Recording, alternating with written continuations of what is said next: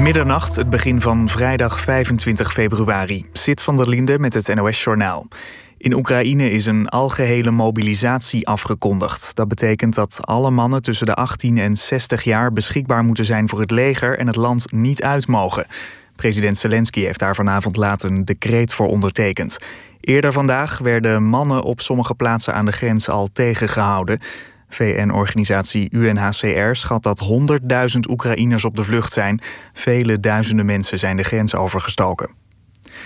Via Giro 999 is inmiddels al een half miljoen euro voor Oekraïne opgehaald. Stichting Vluchteling opende dat Giro-nummer om geld op te halen voor de slachtoffers van de oorlog in Oekraïne. De directeur noemt het aantal donaties hartverwarmend. Nederlanders gaan de oorlog merken in de portemonnee, zegt de baas van de Nederlandse bank, Klaas Knot. Volgens hem gaat het op korte termijn leiden tot hogere energieprijzen en meer inflatie. De gasprijzen en inflatie waren al tot recordhoogtes gestegen. Het conflict versterkt die trend volgens Knot. Hij maakt zich vooral zorgen over de koopkracht van mensen met een kleine beurs. Door de oorlog is de prijs van benzine al flink gestegen. De gemiddelde landelijke adviesprijs voor een liter benzine is nu 2,21 euro. Een liter diesel kost nu 1,89 euro.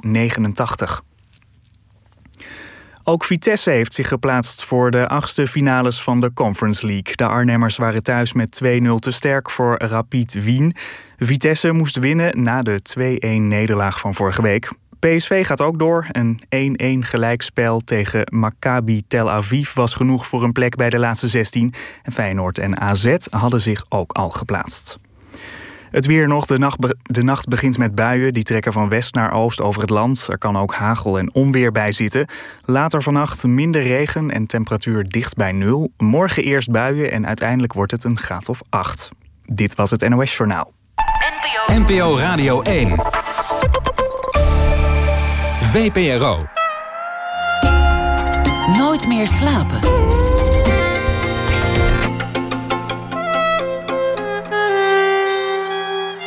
Met Pieter van der Wielen. Goedenacht en welkom bij Nooit meer slapen. Mijn gastcommatuur is Michel Krielaars, journalist voor NRC Handelsblad, oud-correspondent te Moskou, schrijver van vele boeken over de Russische cultuur en geschiedenis. Michel Krielaars, geboren in 1961, is historicus, studeerde ook slavistiek en weinig Nederlanders zagen zoveel hoeken van Rusland en van de voormalige Sovjet-Unie. Hartelijk welkom, uh, Michel. Goedemorgen. We werden wakker in een andere wereld uh, vandaag. Is terecht al door velen opgemerkt. Heeft, heeft dit jou eigenlijk nog, nog verrast? Want dit was een soort aangekondigde ramp. En toch heerste er vandaag volslagen verbijstering bij de meeste mensen. Nou, je kunt je nooit voorstellen dat zoiets gebeurt. Althans, iemand van mijn generatie niet. En ik, uh, zit al, ik zit in een clubje van allerlei Ruslandkundigen. En we hadden toevallig twee weken geleden een bijeenkomst in Den Haag. Er zitten een paar oud-ambassadeurs bij en jonge Russen. En toen dachten we toch, Poetin moet iets doen. Hij kan niet al die troepen zo lang aan die grenzen laten staan. Hij moet iets mee naar huis nemen. En toen dachten we toch, het wordt Kiev, zeiden we ineens tijdens het eten. Het gaat gebeuren, hij gaat gewoon het gaat gebeuren. af. En toen kwamen al die, uh, die tips van de Amerikaanse geheime dienst. En zeiden, er komt een invasie. En op een gegeven moment zijn president Biden ook Kiev. En ik was zelf gisteravond uh, laat bezig om een stuk te schrijven voor de krant. Toen keek ik nog even naar CNN. En toen hoorde ik dat Zelensky, de Oekraïnse president, had geprobeerd Poetin te bellen. En dat Poetin niet meer opnam. En toen zag ik op Twitter ineens het, uh, tijdstip vier uur gaat het beginnen. En toen ben ik gewoon keurig. Vanochtend om vier uur heb ik de wekker gezet. Ben ik opgestaan. En ik heb uh, anderhalf uur in, met tranen in mijn ogen naar de televisie gekeken. En ik krijg ze nu nog bijna. Wat, wat zijn die tranen? Wat, wat, wat ja, ben je allemaal verloren? Wat is er aan de hand? Iets verschrikkelijks. Want ik weet dat ik heb vrienden in uh, Oekraïne. Ik heb vrienden in, in Moskou en Petersburg. En het zijn allemaal mensen die geen oorlog willen. En ik stond vanmiddag even op de Dam. Daar werd gedemonstreerd. En er stonden allemaal twintigers Russen en Oekraïners gebroederlijk naast elkaar. Geen oorlog. Poetin, go home, stond er op spandoeken. En dat is natuurlijk wat er speelt. Dit is een soort spelletje dat gespeeld wordt door een aantal uh, ja, verroeste oude Sovjetmensen. Ik denk altijd dat het er drie zijn, met wat uh, bijvangst. En die bepalen dat dit moet gebeuren. En er gaan natuurlijk heel veel jongetjes van 17 die militair dienstplichtig zijn, hè, van het Russische leger, terwijl de jongetjes, die gaan allemaal sneuvelen de komende dagen. We gaan, we gaan kisten zien, bodybags met een vlag erover gedrapeerd. Er gaan gewoon doden vallen. We gaan lijken zien in straten. Het gaat lelijk worden. Dat is een veilige voorspelling. Ja, en het heeft ook iets absurds. Want uh, een uur voordat ik hier naartoe kwam, luisterde ik naar de BBC World Service. En daar werd een onderminister uit het Oekraïense kabinet geïnterviewd. En die man zat in zijn eentje in zijn appartement met een Kalashnikov te wachten tot ze hem zouden komen halen. Want de BBC-interviewer zei: U staat, uh, u wordt waarschijnlijk doodgeschoten. Een deze uren. En die man bleef gewoon wachten tot ze hem kwamen halen.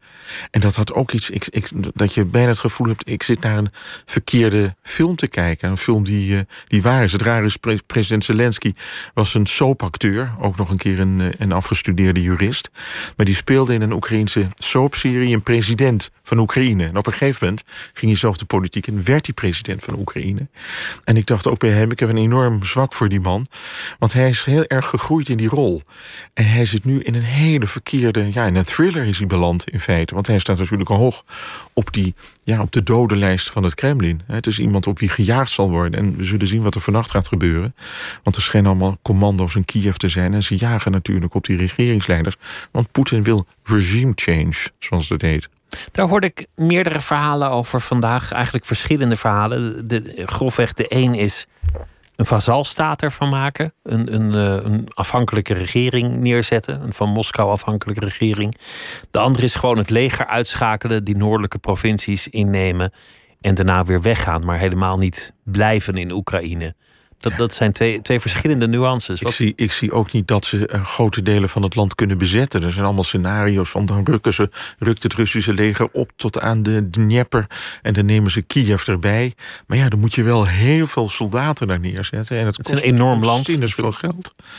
Dus dat zie ik ook niet gebeuren. Ik zag nog op een kaart, ze zijn nu op zo'n zes punten zijn ze aan aan land gegaan, zullen we maar zeggen. Vanuit de Krim zijn ze een stukje op het vasteland gewoon kleine bultjes in het noorden.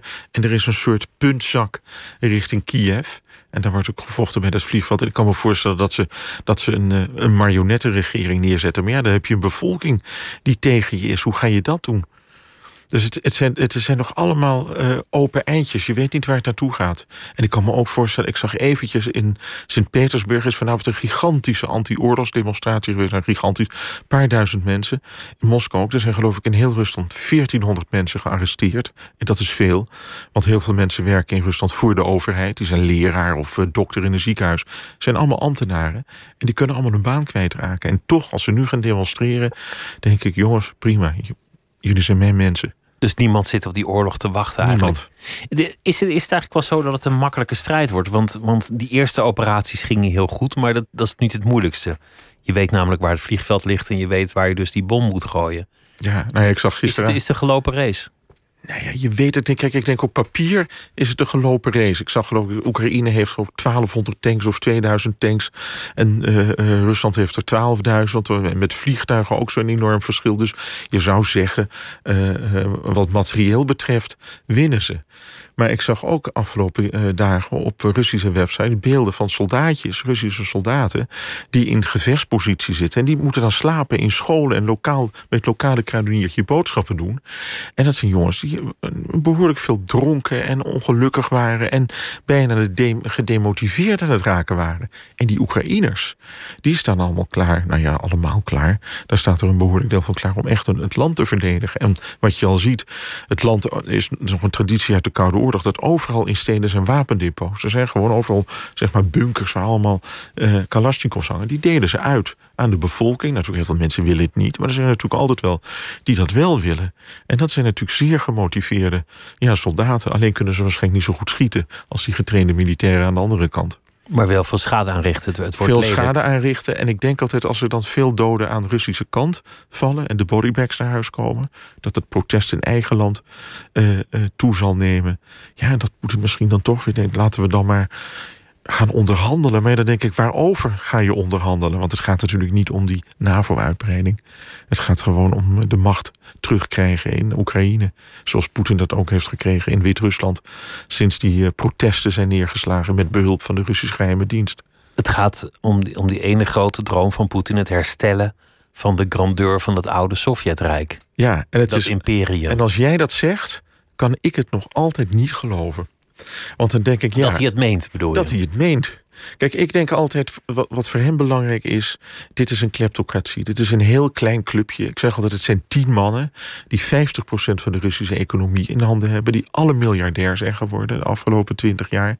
En die willen natuurlijk geen geen verantwoording hoeven afleggen. Ik was in de tijd dat ik correspondent was, eh, had je af en toe een minister van Volksgezondheid. Die had dan weer een of andere placebo-pil op de markt gebracht. En daar had eh, hij of zij weer honderden miljoenen aan overgehouden, in eigen zak gestoken. Dus ja, die politieke functies, daar kun je heel rijk mee worden. En aangezien er geen democratie is, hoeven ministers geen verantwoording af te leggen aan het parlement. Dus je kunt, ze kunnen enorm hun gang gaan. En die machtspositie zullen ze niet willen opgeven. Dus ze vechten ook voor hun eigen lijfsbehoud? Ze vechten voor hun lijfsbehoud. En dat heb ik gezien in 2014. En ik heb er ook een klein boekje over geschreven voor de maand van de geschiedenis. Je, je ziet dat Poetin het niet kon hebben dat daar uh, zijn vazal, zullen we maar zeggen, de toenmalige president Janukovic, werd afgezet. Gewoon in een revolutie. Door me mensen, door gewoon burgers die genoeg hadden van die buitengewoon corrupte president, die ook in een soort gouden, echt in een gouden paleis woonde. Met van als een gewone man met je halve gangster, die president was geweest was gekozen. Misschien wel met een kleine meerderheid van stemmen, misschien een beetje vervalst. Maar ze hadden genoeg van hem en ze hebben hem afgezet. En er kwam een eerlijk gekozen regering. Kijk, die, dus die Poroshenko had je eerst. Nou, je hebt ook allemaal oligarchen die met elkaar vechten. En toen kwam die Zelensky. En die is gewoon echt, die heeft de verkiezing op een eerlijke manier gewonnen. En die, ja, die man probeert toch wat in toch die kleine chaos die in Oekraïne bestaat. Maar het is een vrij land. En ik vond het altijd als ik, uh, bijzonder als ik uit Moskou naar Oekraïne vloog voor een reportage. Dan had je een soort. Dan, dan was dat een opluchting. He, je had, we krijgen weer lucht. Dit is weer een normaal land. De, de grensbewaking was al vriendelijk tegen je. En je kon vrij reizen. En je had niet het gevoel van overal... dan hebben we weer een verkeerd papiertje. Dan moeten we weer bij een lokale KGB komen. Dan krijgen we weer een boete. En dan gaan ze weer dreigen met een proces in je broek. Zoals ik in Rusland altijd meemaakte. Dat had je daar niet. En je dacht, nou, geef ze een kans. Misschien wordt het wel een land zoals Polen of als Litouwen. Maar voor Poetin was dat een ergernis als het, als het een bedreiging. Democratisch werd. Een, bedreiging. Want dan zei ze: Ik heb heel, veel in, heel vaak in, in Rusland hoogwaardigheidsbekleders uh, geïnterviewd, burgemeesters of rechters. En die zeiden dan altijd: als, een beetje, als je een beetje vertrouwen wist te wekken, dan zeiden ze. Wij weten heel goed hoe we dit land op een normale, misschien wel democratische manier moeten besturen. Alleen daar in het Kremlin behandelen ze ons als kleine kinderen. Laten ze ons niet doen wat wij vinden wat we moeten doen. En ik heb ooit eens een rechter uh, ontmoet die eh, was afgezet omdat ze geen uh, vonnis wilde vellen op bevel van het Kremlin. Ze wilden niet iemand onschuldig veroordelen, wiens bedrijf moest worden ingepikt. Die vrouw is afgezet. En die zei ook, haar man was oud KGB-hoofd van Siberië geweest, ergens van een grote provincie in Siberië. En het waren mensen die in die Sovjet-tijd waren opgegroeid, daar waren opgeklommen, zij rechter, hij generaal van de KGB. En die mensen hadden altijd hun land willen dienen, maar wel op een eerlijke manier. Heeft Poetin zijn, eigen, zijn einde uitgesteld of, of juist bespoedigd vandaag? Nee, het, kan, het kan alle kanten. Kijk, je zou bijna zeggen dat dit hem wel eens uh, ja, de kop kan kosten. Hoe zou dat dan werken? Want, want, je ziet nu dat de hele wereld keert zich tegen. Behalve China, er zullen nog wat mensen zijn die dat niet doen. Maar de, de westerse wereld hè, en uh, de, uh, de, kapitalistische ontwikkelde wereld zegt, uh, bestempelt hem tot paria. Is, en, is dat erg voor hem? Want ik, ik hoor de hele dag mensen zeggen die sancties doen hem niet zoveel pijn. En bovendien heeft hij de steun van China. Hij heeft de steun van China, maar er moet wel geld binnenkomen. En je ziet, de roebel staat nu op het laagste niveau in de geschiedenis van, eh, van, eh, van Rusland. Die heeft nog nooit zo laag gestaan. Dus je krijgt in Moskou, in Petersburg, daar wonen heel veel goed opgeleide, goed verdienende Russen. Althans voor een deel. Van die 15 miljoen Moscovieten zullen er een paar miljoen het niet zo slecht hebben. En die gaan het nu slecht krijgen. En dat zijn wel de mensen die uh, op de universiteiten werken, die op de ministeries uh, leidinggevende functies hebben. En die kunnen ineens niet meer met vakantie naar Italië. Of gaan skiën in Oostenrijk. Die moeten gaan skiën in de Caucasus, in eigen land. Waar de skiliften niet goed werken en noem maar op. En die worden dan boos. En dan nog, je hebt altijd de Siloviki, die mannen zagen we maandag bij die Veiligheidsraad. Dat zijn de mannen, de mannen die de wapens hebben, zeggen we maar. En dan werden er sommigen echt door Poetin op een nummer gezet. Je had meneer Narishkin. En uh, die is hoofd van de buitenlandse veiligheidsdienst. En die versprak zich. Die zei op een gegeven moment. Ik, die leek een beetje zenuwachtig. Die was heel zenuwachtig. Die komt uit een hele invloedrijke familie. Ook nog van adel een keer. Tsaristische adel voor familie carrière gemaakt in die Sovjet-Unie. Zelf heel erg. Zijn vrouw is ook heel erg rijk geworden als onderminister voor het een of het ander. En die versprak zich en die zei op een gegeven moment: Ik uh, steun de annexatie van die twee rep republieken bij de Russische Federatie. Kreeg ik op zijn kop, want dat is natuurlijk niet de bedoeling. Hij, ja, hij verspreekt zich, want dat is het uiteindelijke plan. En je zag nog een paar van die mannetjes heel erg zenuwachtig zijn. En toen zag ik er twee. Het huidige hoofd van de FSB, Alexander Bortnikov en het huidige hoofd van de Veiligheidsraad, Nikolai Patrushev, oud-hoofd van de KGB, FSB. En die waren heel cool en kalm. En die spraken gewoon. En ik dacht, precies, dat is mijn stelling al jaren, dat die twee mannen met Poetin de dienst uitmaken. En dan denk ik soms zelfs dat Poetin een beetje moet doen wat zij willen. Want dat zijn de echte haviken. Misschien is Poetin wel de PR-man of de. Nou ja, dat zou je zeggen. Kijk, er was, er was van, natuurlijk best regering. een politicus die in, in, in zijn beginjaren. Er zijn er ook allemaal van die facties in het Kremlin. En die moet je allemaal te vriend houden. Zeggen, wierp af en toe die honden een paar brokken vlees toe. En de volgende week die andere honden. En dan zorgde hij dat, dat het in evenwicht bleef. Hè. Zo moet je dat doen, denk ik, als machtspoliticus. Daar was hij goed in die eerste jaren. Maar ja, misschien is het wel. Gaat het vervelend. Hij heeft natuurlijk ook twee jaar uh, opgesloten gezeten. Want hij is, volgens mij heeft hij ontzettende smet. Hij is natuurlijk bang om corona te krijgen. Zou hij ook gewoon lockdown-gekte onder de leden hebben? Dat zal me niets verbazen. Kijk, hij, wil, hij moet natuurlijk oppassen dat er niet op een gegeven moment een man met een mes achter hem staat. Dus hij moet zorgen dat hij fit blijft. Hij moet uh, nooit dronken worden. Hij moet uh, een lichte slaap hebben, zullen we maar zeggen. Want er kan ieder moment iemand binnenkomen en die kan zeggen dan... Vladimir Vladimirovich, je hebt geweldige diensten geleverd aan je vaderland. Maar nu is het toch tijd om met pensioen te gaan. En zodra hij geen president meer is, kan iedereen hem te grazen nemen. Ze kunnen hem zijn vermogen afpakken. Er wordt gezegd dat hij de rijkste man ter wereld is met 200 miljard dollar op de bank.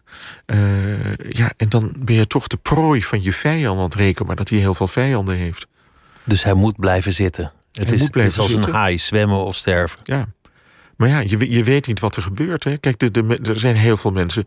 Ik heb ook wel politici ontmoet die liberaal denken. Dat zijn vaak de vakministers bij economische zaken en financiën. Dat zijn mensen met verstand. En die zeggen gewoon: dit is een ramp voor ons land. En dat zie je nu al. Ik keek een beetje vanmiddag naar, naar een Russische uh, internetkrant, RBK. Daar zit dat een specialist. En die leggen dan gewoon uit wat er allemaal uh, mis kan gaan de komende tijd. Nou, en dan denk dan hou je je hart vast dat het land gewoon verpaupert en arm wordt. Ja, en er, en er zijn al de afgelopen jaren een miljoen, zo niet twee miljoen mensen, hoog opgeleid, allemaal vertrokken naar het buitenland, naar het westen. Ik woon in een straat in Amsterdam, waar heel wat jonge, hoogopgeleide Russen wonen, die werken op de Zuidas. En die zeggen, als ik een praatje met ze maak, nooit meer terug. Laten we het over het Westen hebben. Het is, uh, elke generatie denkt op een gegeven moment dat de eeuwige vrede is uitgebroken. De jaren twintig van de vorige eeuw was zo'n tijd. Het gebroken geweertje. De jaren 90 van de vorige eeuw was zo'n tijd, na 89. We leken het nu eigenlijk ook wel weer een beetje te geloven. In Europa zal er geen oorlog meer komen. Die tijd is voorbij. Ja, naïef kun je achteraf zeggen. Dat zal die historicus in de toekomst zeggen. En we zijn natuurlijk ook heel erg met onszelf bezig geweest. We hebben het natuurlijk heel erg goed gekregen in dit deel van de wereld. Wij waren hier bezig met allerlei belangrijke kwesties over, over genderneutrale toiletten en dat soort dingen. Ja. Maar niet met oorlog. De, Tom Middendorp die, die zou eigenlijk vandaag komen, maar die heeft vanwege dit alles uh, afgezegd. Want die wil niet zijn opvolgers voor de voeten lopen. Die heeft een boek geschreven waarin hij eigenlijk beschrijft dat hij al die jaren dat hij de hoogste militair van Nederland was, hij elk jaar weer een grote bezuinigingsronde moest doorvoeren. Elk jaar weer. Ja, dat geld moest waarschijnlijk naar belastingverlaging voor de burger. Ja, want het is ook niet naar de gezondheidszorg gegaan. Dus het heeft, ja, het heeft natuurlijk iets volslagen idioot. Ik, ik las ook net ergens op een Duitse uh, site dat de Bundesweer echt in erbarmelijke staat verkeert. En dat was toch, was toch een heel erg goed leger. En daar zijn dezelfde problemen waarschijnlijk bij de, bij de Engelsen. Is ook, ik heb een paar Volgens mij heeft geen één Europees land, geen West-Europees land, nog een volwaardig leger. Nee. En dan zeggen ze altijd als, uh, hoe heet het, doekje voor het bloeden... dat, er, uh, dat we dan allemaal kleine eenheden van al die NAVO-lidstaten moeten gebruiken. Die moeten we inzetten als het echt uit de hand loopt. Hè? De Rapid Reaction Force, die dan naar de Baltische landen moet... als uh, de Russen daar binnenvallen. En het heeft natuurlijk iets absurds. Heeft Poetin gewoon zwakte geroken? Is dat het? Alleen maar. Nee, ik heb de afgelopen acht jaar. En in Moskou natuurlijk ook, in die, toen ik daar woonde. Ik heb de afgelopen acht jaar na de Krim-annexatie. bijna dagelijks naar de Russische televisie gekeken. En dan heb je allemaal van die opeenachtige programma's. in de loop van de avond. En daar staat dan een kerel. een enorme hetze op dat Westen uh, te houden iedere avond. En dan zijn we echt goddeloze. We zijn het homohuwelijk, daar gaat het allemaal over. We prikken onze bejaarden dood. Uh, het wookgedrag en dat LGBTH+. Nou, dat, we zijn verdorven. We zijn decadent. En ik, eh, vanavond was er ook bij de BBC World Service... een parlementariër, Vitali Milanov... Eh, van een grote regeringspartij. En die begon te roepen van dit is de laatste oorlog die jullie kunnen voeren, misschien tegen het Westen, hè, tegen de BBC. Wij zijn bezig om de beschaving te brengen. Jullie worden door jullie migranten overspoeld en jullie samenleving gaat ten onder. Poetin zei ook nog zoiets in, in, in de speech van eerder deze week. Dus eigenlijk, hij had het meteen over de, de LHBT-community. Eh, Waar het op neerkomt, hij ziet het Westen als verwijfd. Het, is het, het is het contrast tussen een masculine cultuur en een feminine cultuur. Patriarchaal, matriarchaal. En hij ziet zichzelf als een man.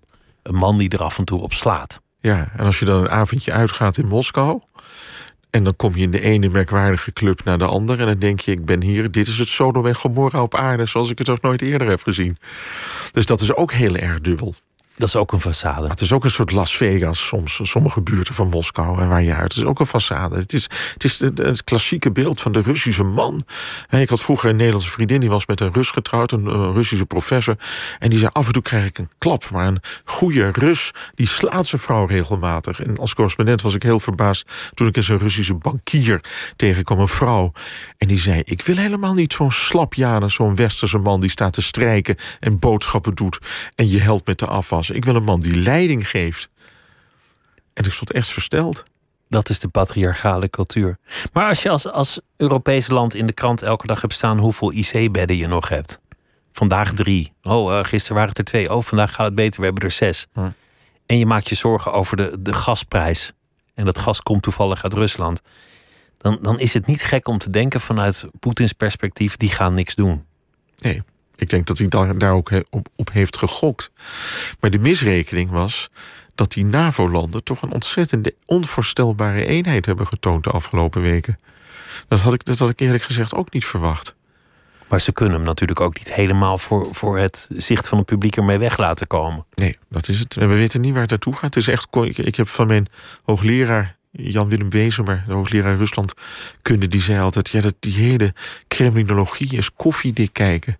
We, we, kunnen misschien een beetje gissen achteraf wat er precies gebeurd is. van, van Stalin weten we ook nog een hele hoop niet. Maar we weten al helemaal niet wat er morgen gaat gebeuren. En ik heb het zelf altijd als ik in Rusland ben, dan word je s ochtends wakker. En dan denk je, ik ben heel benieuwd hoe deze dag gaat aflopen. Want ik heb in die vijf jaar dat ik er heb gewoond... dus iedere dag gebeurde er alweer iets. Dat je dacht, hoe is dit mogelijk? En dat, dat gevoel had ik vanochtend nou in extremis. We weten niet welke kant dit op zou gaan. Nee, het is een volslagen krankzinnig land... met heel veel fatsoenlijke, heel veel beschaafde mensen. Ik heb nergens zulke goede vrienden opgedaan als in Rusland. Wij zijn natuurlijk ook echt afhankelijk het, het ging net al in het radionieuws over uh, Klaas Knot. Die, zegt, die het heeft over de economische gevolgen. Mensen maken zich zorgen over de gasprijs, de benzineprijs. Ga ja, maar voor, De, voor de industrie, hè? Dat, dat, we, we kunnen helemaal niet zonder Rusland. Nee, maar je hoort dan ook weer dat Nederland is geloof ik voor 20% of 15% afhankelijk van het Russisch gas. De Duitsers echt voor 40%. Of nee, voor 30% of zoiets. Dus ja, op zich kunnen we het dan wel weer uit Groningen halen. Dan krijg je daar weer meer scheuren in die huizen. Maar dat willen we natuurlijk niet. Kijk, en je kunt ook denken, het zijn wel hun inkomsten. ze zeggen wel dat ze met de Chinezen grote contracten hebben afgesloten. Er zijn ook allemaal pijpleidingen aangelegd de afgelopen jaren. Maar hun verdienmodel is toch gebaseerd op West-Europa. Dus ze hebben ons nodig. Zoals wij hen nodig hebben eigenlijk. We hebben hen uiteindelijk ook nodig, ja. En dat is het. En wij hebben natuurlijk ook nodig om, om rust te krijgen in dit deel van de wereld. Is, is dit het omgekeerde 1989?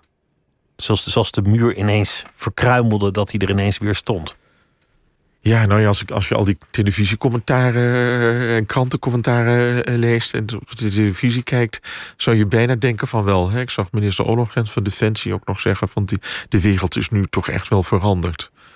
En dan wordt een heel dramatisch gedaan. Het is natuurlijk heel dramatisch. Hè? Er is een soevereine democratische staat, wordt waarschijnlijk opgeslurpt door, uh, door, door een heel groot buurland. En het is natuurlijk iets ongekends.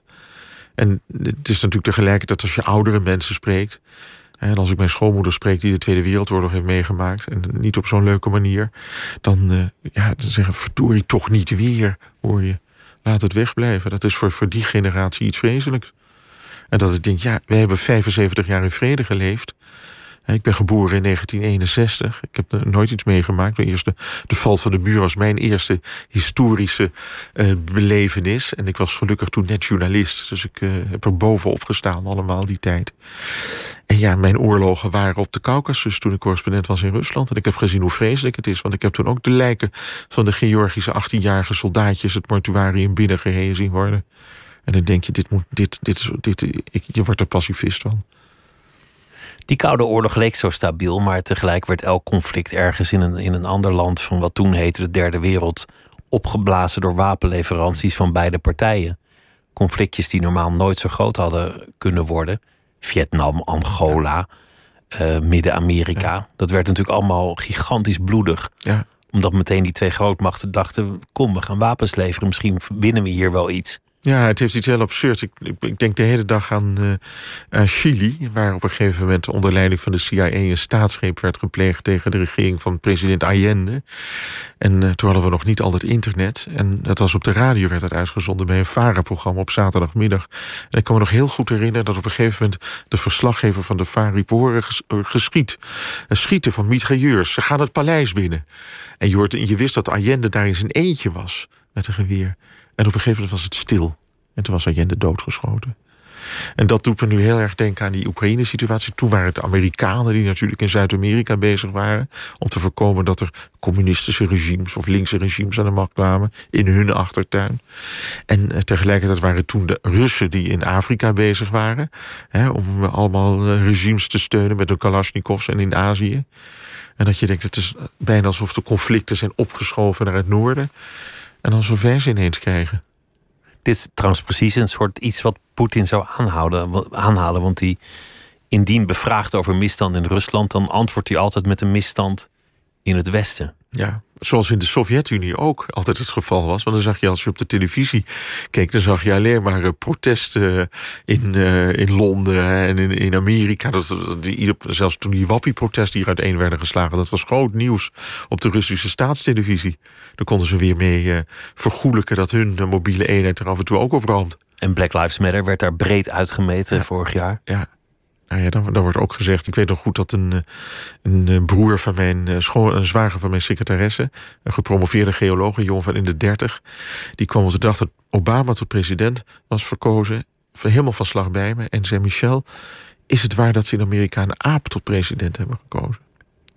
Een dokter in de geologie, ontwikkelde jongen had waarschijnlijk nog nooit een, zwarte man gezien. Hoewel er in Moskou af en toe lezen zie je wel een student uit Angola of Mozambique.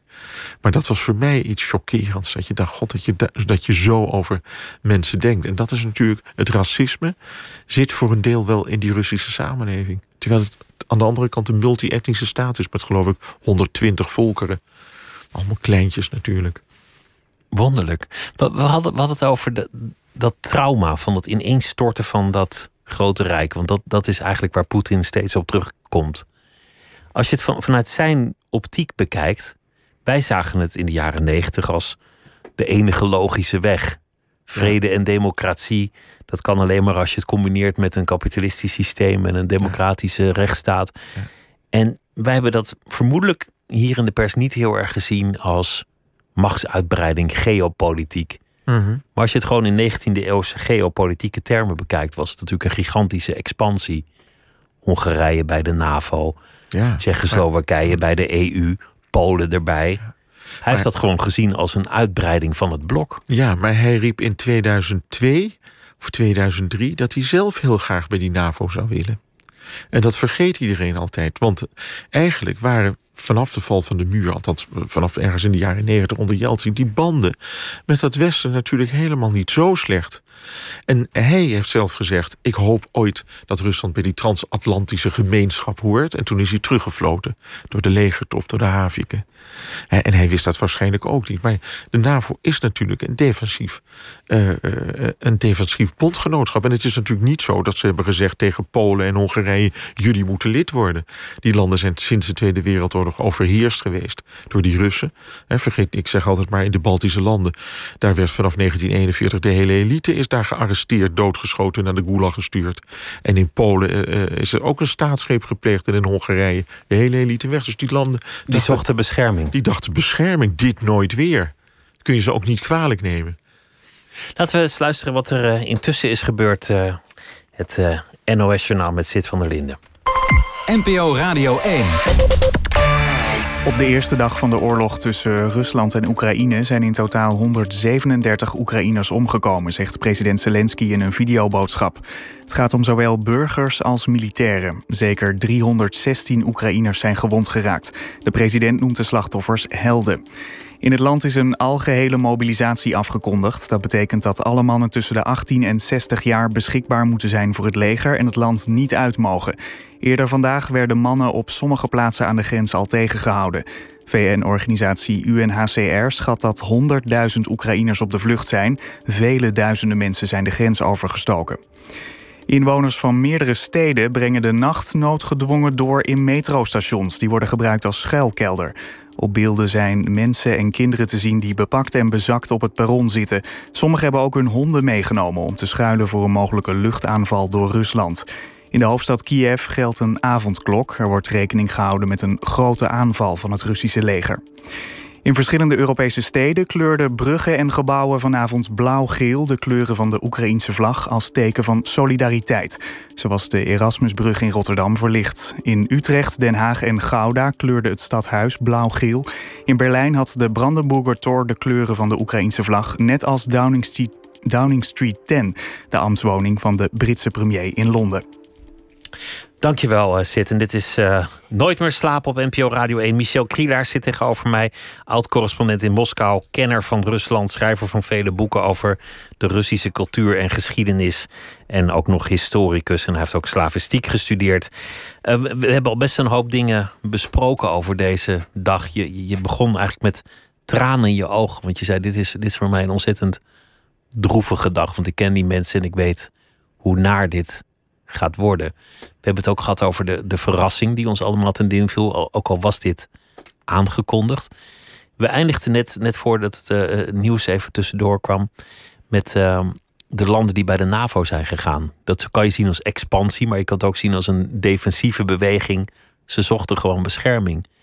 Ik denk dat in al die landen de mensen toch iets lichter slapen in Polen bijvoorbeeld? Ja, eh, de Polen, er is een beroemde eh, een, een, vallei waar je door kunt oprukken vanuit, vanuit Rusland. En dat is een stukje, een verbindingsstukje tussen Wit-Rusland en Kaliningrad.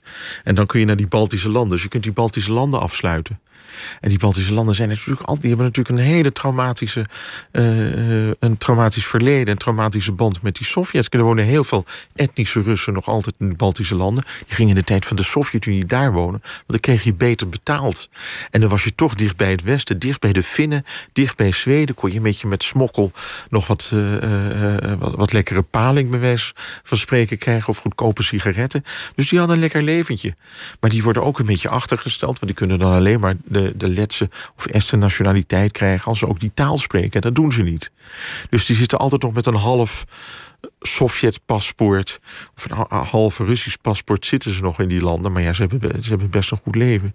En die landen hebben natuurlijk reden om. Kijk, wat zal er gebeuren als morgen Poetin Estland binnenvalt? Nou, dan zie ik toch niet dat de NAVO, als, als er weer 200.000 militairen aan, aan dat deel van de Russische grens gaan staan, dan zie ik toch niet dat de NAVO, wat jij net al zegt, met die paar duizend manschappen die ze op dit moment paraat hebben, dat ze daartegen gaan vechten.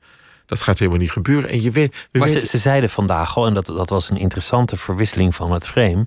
Wij zullen heel hard vechten als een NAVO-lid ja. wordt aangevallen. En wat je daarmee eigenlijk zegt is we gaan niet heel hard vechten als het niet een NAVO-lid is. Nee, ik, ik, ik, ik weet het toch zo niet. Ik hoorde ook een discussie dat, er, dat je zou kunnen zeggen... we maken, als je Poetin zijn zin zou geven... Hè, dan, dan zou je dus gewoon denken... Uh, Oekraïne nooit bij de NAVO. Maar is dat zijn zin? Deels, want ik zei al, het gaat om iets heel anders. En wel niet dat Oekraïne een geslaagde democratie wordt. Een slecht voorbeeld voor zijn, voor zijn eigen, of een goed voorbeeld voor zijn eigen land. Dus er is hem van alles beloofd. Want dat heeft hij tijdens die onderhandelingen horen gekregen. De komende 20, 30 jaar is er geen sprake van. Dus kun je ook zeggen, die Baltische landen, daar wil hij ook van dat al die NAVO-troepen, het zijn er een paar honderd militairen die daar zijn van de NAVO, dat die weggaan. Maar dat is ook symbolisch. Geeft hij landen dan een soort tweede rangstatus. Maar dan zegt de NAVO weer, ja, maar dan zijn ze geen volwaardig lid. Dan kunnen ze niet de bescherming bieden. Dus ook dat, dat zijn allemaal padstellingen waar je in belandt. En daarom zijn die landen toch heel erg uh, angstig op dit moment. En ik kan het me goed voorstellen. En dan heb je het ook nog aan, aan de andere kant van het, van het voormalige Rijk. Je noemde al Georgië. Er zijn natuurlijk nog heel veel landen. Ja, maar in Georgië is het ook weer een beetje een pro-Moskou-president eh, op dit moment. Die, die, dat land heeft hij al in de greep. Net zoals Kazachstan na die opstand in januari. He, daar, daar zijn ook troepen uit Moskou naartoe gestuurd om die opstand neer te slaan. Ja, het wisselgeld is dat de huidige president alles doet wat Moskou wilde. Zij heeft op een bepaalde manier dat Sovjetrijk, ik weet niet of hij dat allemaal wil herstellen. we weten niet wat er in zijn hoofd omgaat. Misschien is het gewoon een, een cynische, is het wel persoonlijke wraak. Ik weet het met, met, met Georgië in de orde van 2008. Hij had een persoonlijke vete met de toenmalige president Michail Saakashvili. Die wilde die gewoon pakken. Dat vond hij zo'n ontzettende klootzak. Dat hij dacht, hup, we vallen binnen, we pakken het in... en ik ga die Saakashvili om zeep laten brengen. En ik weet nog heel goed, ik was in Tbilisi en mijn vrouw zat in Moskou. En die belde op een gegeven moment de Russische tanks rukken op. En ik dacht, oh god, dan staan we hier in een guerrilla-oorlog straks. Want die Georgiërs hebben ook allemaal een Kalashnikov thuis staan. En toen was het echt, ze gaan naar Saakashvili. En het is op het laatste moment, op een paar kilometer voor Tbilisi, is die aanval afgeblazen. En er wordt altijd gezegd, ik hoorde van iemand van de Britse geheime dienst die er toen was. Die zei, er is een telefoontje geweest vanuit Zwitserland naar Poetin.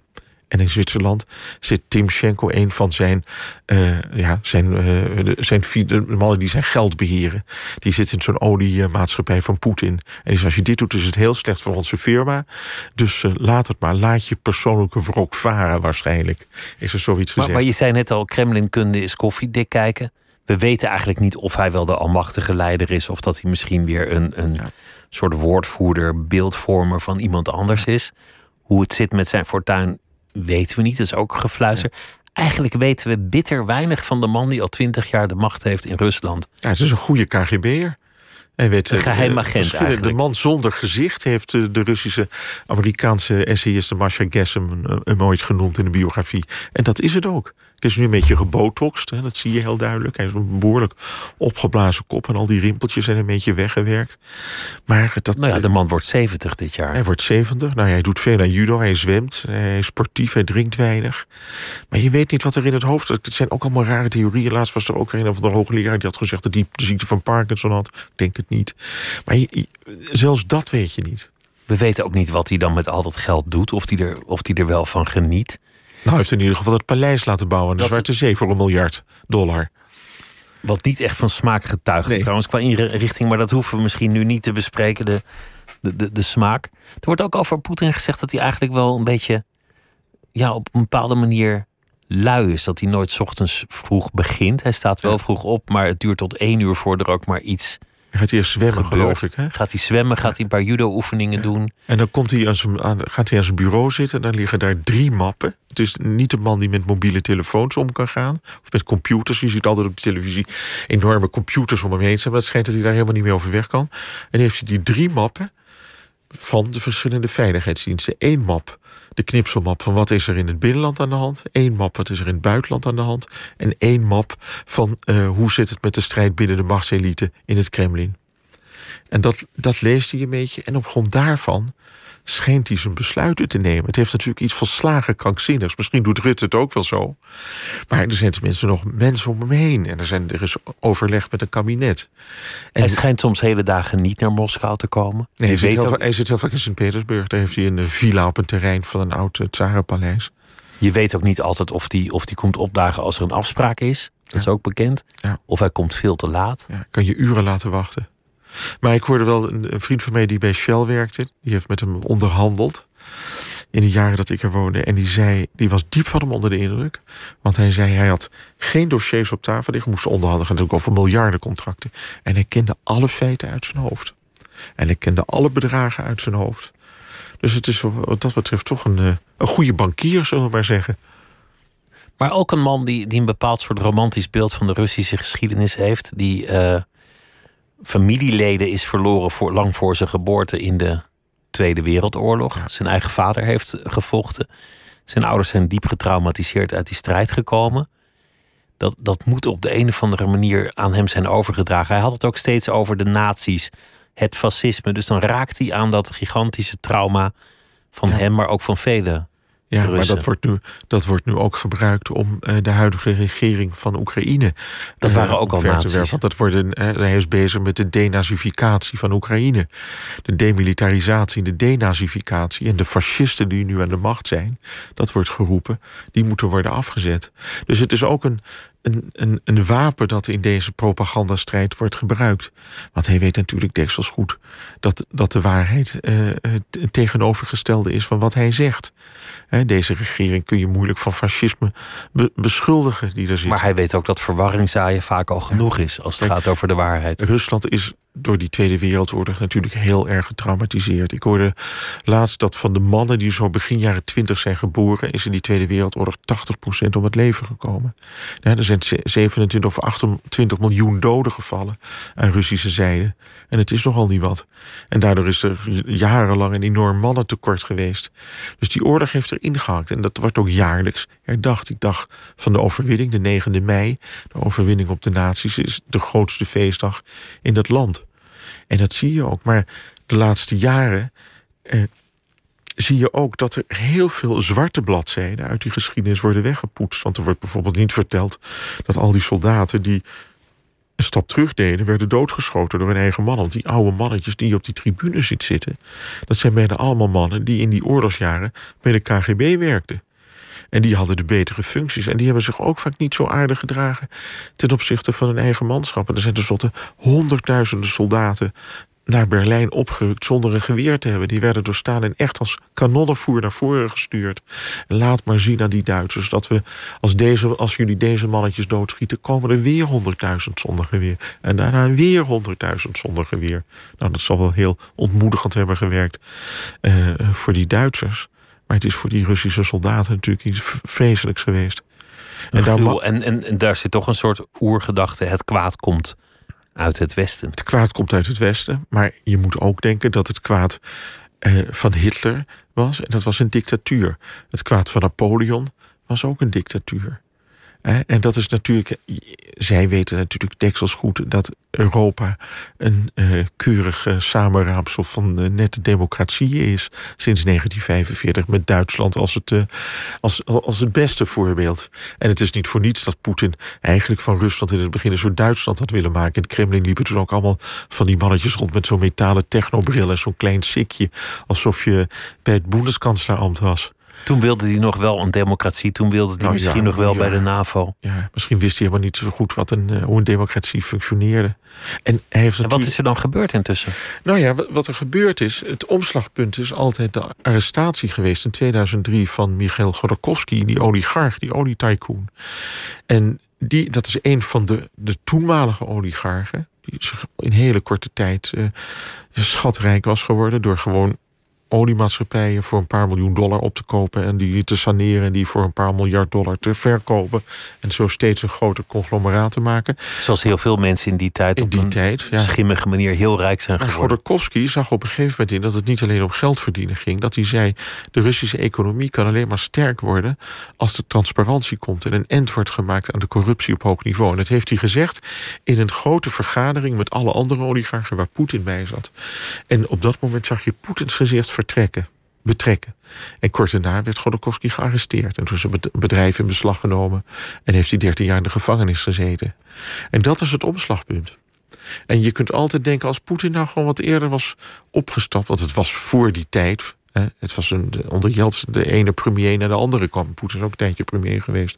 Dus dat ging, dat ging alle kanten weer. Ik weet nog goed dat in dat Ruslandclubje zaten wij. Oh, ze hebben nu iemand van de KGB benoemd tot uh, premier. Oh, die werd nu weer president. Nou, we, we wachten af hoe lang het zal duren. Waarschijnlijk is hij over drie maanden weg. Een grijze muis was hij. En hij heeft zich waarschijnlijk ook moeten invechten. En op een gegeven moment zag hij natuurlijk wat een. Nou ja, wat, in wat voor slangenkuil die was beland. Ik herinner me vooral het beeld vrij kort na zijn aantreden dat, dat de koers was gezonken. En dat hij een heel slecht moment had dat hij woedend werd toegesproken door, door nabestaanden van die marinemensen die waren verdronken. Ja, en toen zei hij. Op camera. Ja, en het enige wat hij zei, de koers is gezonken. En die mensen, die slachtoffers die erin zaten, die matroos, dat kon hem echt niks schelen. Maar ja, dat is de KGB-mentaliteit. En dat zie je nu ook. dat er zoveel jonge mannen, in eerste instantie die soldaten aan, aan Oekraïnse en Russische zijde omkomen, dat kan hem gewoon niks schelen. Dat is de KGB, die is in staat om iedereen, die, om, om, om je eigen moeder te vermoorden. Dat doen ze. Je ziet het met die vergiftiging, Skripal-affaire, vader, maar ook zijn dochter meenemen. Nou, ze hebben dan gered en en ja, het is meedogenloos. Toen was er een beeld, toen Poetin aantrad, van... goh, dat Sovjetrijk is toch wel heel snel verkruimeld. Uh, roestige tanks waar, waar de wielen van afvielen als ze probeerden te rijden.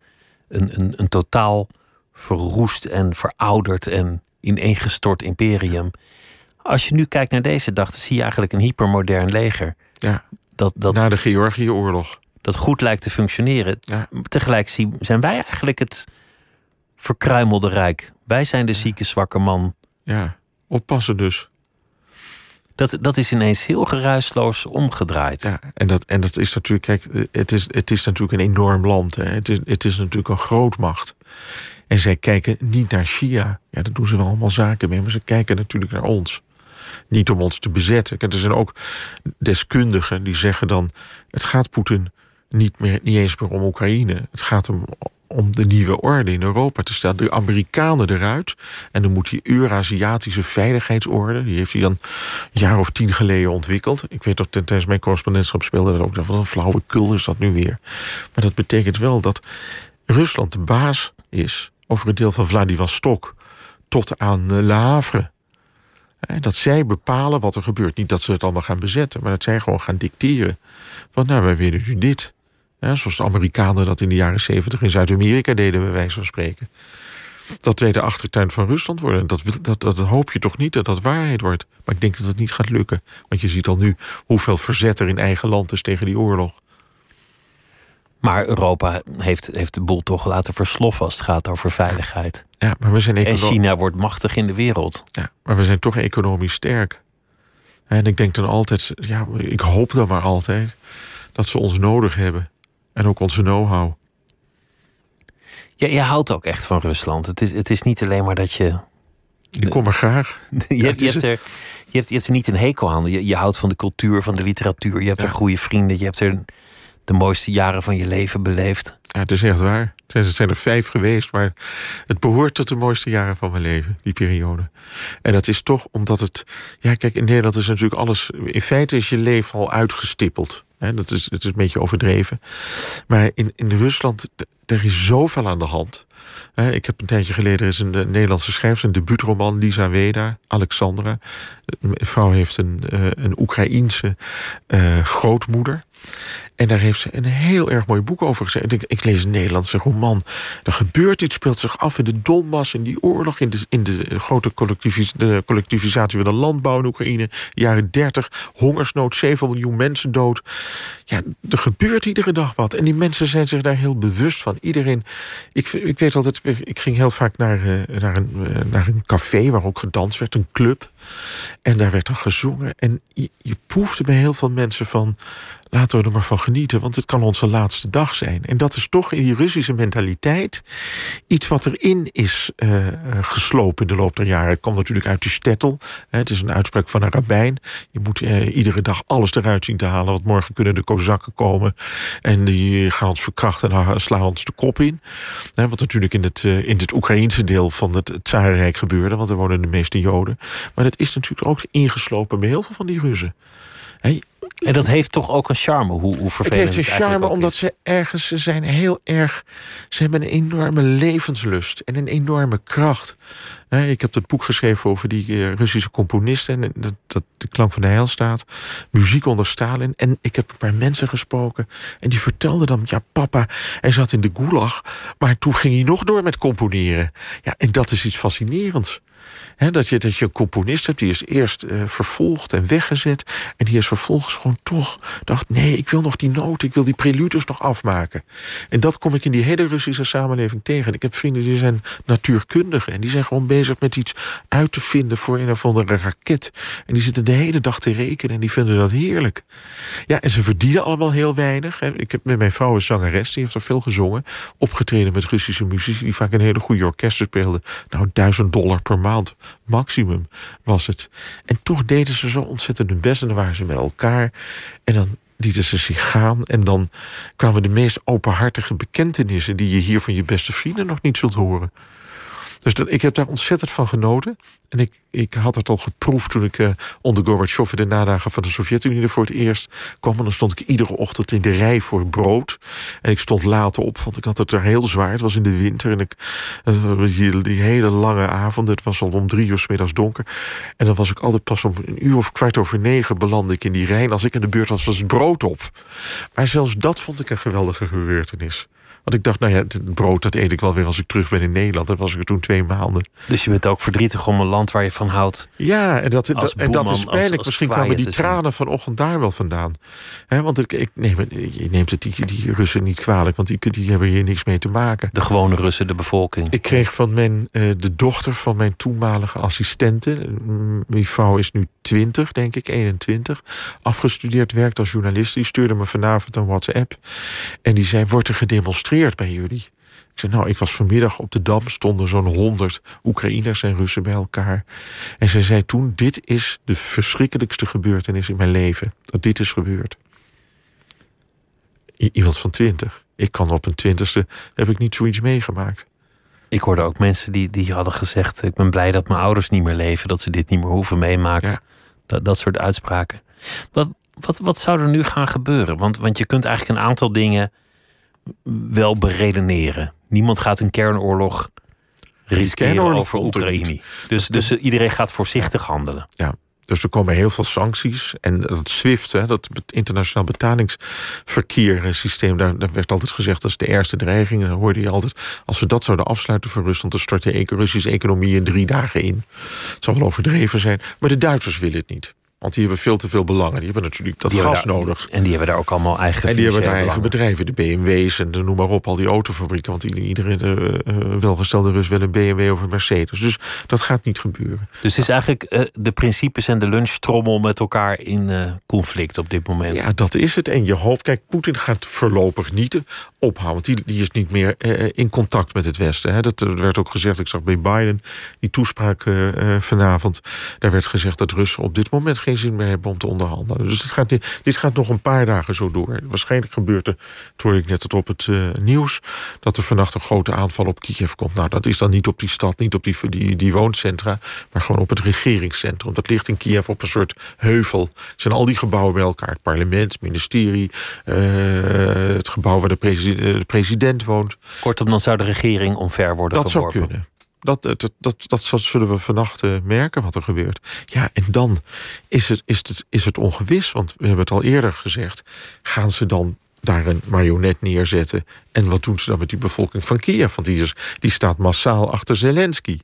Die willen dat niet. Dus het is nu... maar de bevolking van de provincies waar het dit keer om begonnen is, daar ligt dat vermoedelijk net iets genuanceerder. Ja, er stonden er gisteren, eh, to- toen die erkenning maandag was dat, stonden er een paar, eh, stonden er dertig met een Russische of met een vlag te zwaaien, met een Russische vlag. Dus dan weet je ook niet of iedereen daarvoor is. Ik, kijk, er wonen in die gebieden wonen etnische Russen. Of ik zeg altijd de Russisch-talige Oekraïners. Daarvan zal heus wel een gedeelte liever aansluiting bij Rusland zien. Maar er zijn ook er heel veel die het gewoon helemaal niet willen. Ik zag ook allemaal beeldjes op internet van de Russisch sprekende vrouwen... die, die, die ook tegen die Russen, Russische militairen zeiden... jullie zijn onze bezetters, we occupanti. Jullie zijn onze bezetters, jullie zijn onze vijanden. Sodemieter op uit mijn tuintje. Gewoon zo'n zo, zo'n moedertje of zo'n omaatje van de, in de zeventig die dat tegen die jongen zegt. En ja, dat is er ook. Dus wat er in die, in die republieken gebeurt, dat is ook onduidelijk. En als je in de tijd zag, het waren ook een beetje boevenbendes. Het, het was het armste deel na de val van de Sovjet-Unie. Was het een heel arm gedeelte. Ik heb er ook gereisd. En, en ook over de grens. Belgorod is een Russische stad... waar in mijn tijd als correspondent uh, alle jongeren aan de drugs waren. Verpauperd, verarmd. Het is een vreselijk gebied.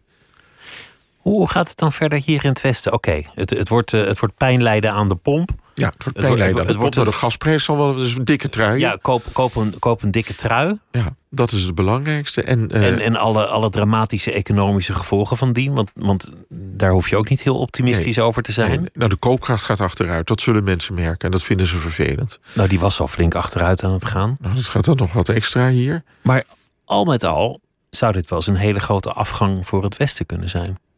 Ja. Ja, en uh, je zou kunnen zeggen, dit zou ook Poetin de kop kunnen kosten uiteindelijk omdat hij het toch niet redt. Omdat ja, kijk, hij we, toch op, op termijn zichzelf verzwakt we, heeft. We zijn nu, ik herinner me nog goed, in, in 1968 was ik zeven. En toen uh, uh, werd de Praagse lente neergeslagen. En ik weet ook goed dat mijn moeder onmiddellijk naar Albert Heijn ging. En dag erop. En die ging allemaal conserven inslaan. Want we dachten, straks komen de Russen ook hier. En er deden heel veel mensen bij ons in de straat. Die dachten, we moeten zorgen dat we straks is er niks meer te krijgen. En dat was ook een angst. We keken toe, toen keken we ook toe. En je had die, die, die, die, die boodschappen dan bij Hongarije al. Weet je, dat die radio werd afgesloten. Dit is het laatste bericht uit het vrije Praag. Of het laatste bericht uit het vrije uh, Budapest. Dat gaan we denk ik de komende dagen ook zien. En dat is natuurlijk iets, iets vreselijks voor ons allen. En daar kan al die retoriek van uh, meneer Stoltenberg van de NAVO en van Biden ja, niets aan veranderen. We kunnen alleen maar zeggen: we gaan zware economische sancties invoeren. En we gaan Rusland op de knieën uh, brengen, economisch. Ja, wat doe je? je het, de gewone de man is het slachtoffer ervan. Dus dat kan zich ook weer, ja, voor hetzelfde geld gaat die zich dan achter Poetin scharen, wat ik niet denk hoor. Maar dat is natuurlijk. En Poetin heeft. Ze, ze hebben een reserve van zo'n 650 miljard dollar. Dus we kunnen het ook nog wel een tijdje uitzingen.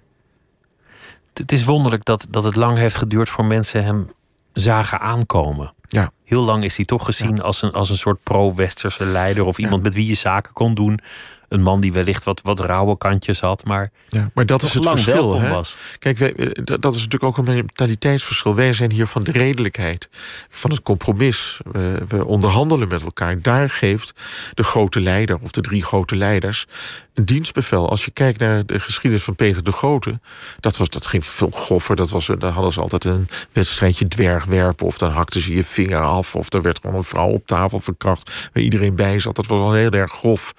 Maar in feite gebeurde, was de bevelstructuur hetzelfde. Peter zei het, en dan had je Menschikov, dat was zijn beste vriend, maar die zit er altijd. Die moest altijd zorgen dat hij toch ook een machtsbasis elders had.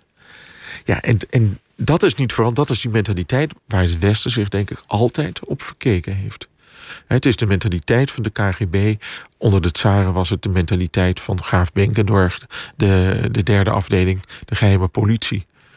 En die, eh, nou, die, die, die, die, had toch niet al die moderne techniek. Dan kreeg je een zweepslag en dan werd je in een kelder opgesloten. Maar eh, het is, het is veel harder dan bij ons.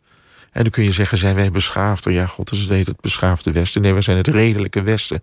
En we hebben met een hele harde tegenstander te maken. Zij zouden zeggen, we zijn het verwijfde Westen. Ja, en de Russen hadden dan altijd weer te lijden onder de Tataren, die daar toch ook een paar honderd jaar de baas zijn geweest.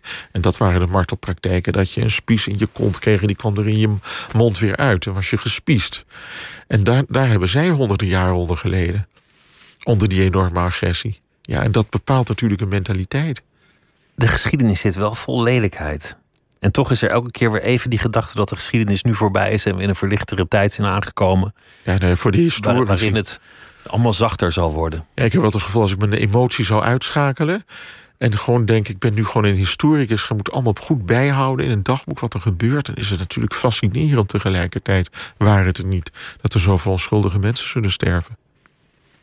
Dat is een, uh, een waar woord om mee af te sluiten. En meteen ook een, uh, een, een, droevig, een droevige constatering. Michel Krielaars, dank dat je te gast wilde zijn. Graag gedaan. En, uh, ja, ik ga verder helemaal niet iets wijs zeggen om, om dit mee af te sluiten. Dank. Het was een genoegen om naar je te luisteren. En dit was uh, Nooit meer slapen voor uh, vannacht.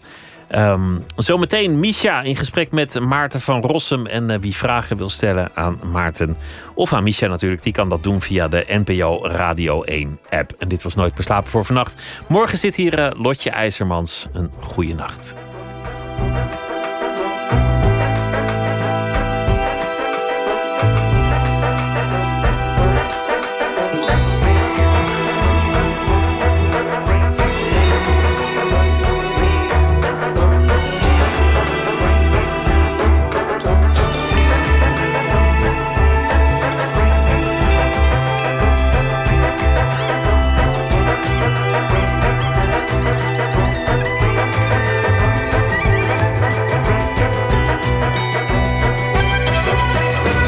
NPO Radio 1. Wie luistert, weet meer. NPO Radio 1.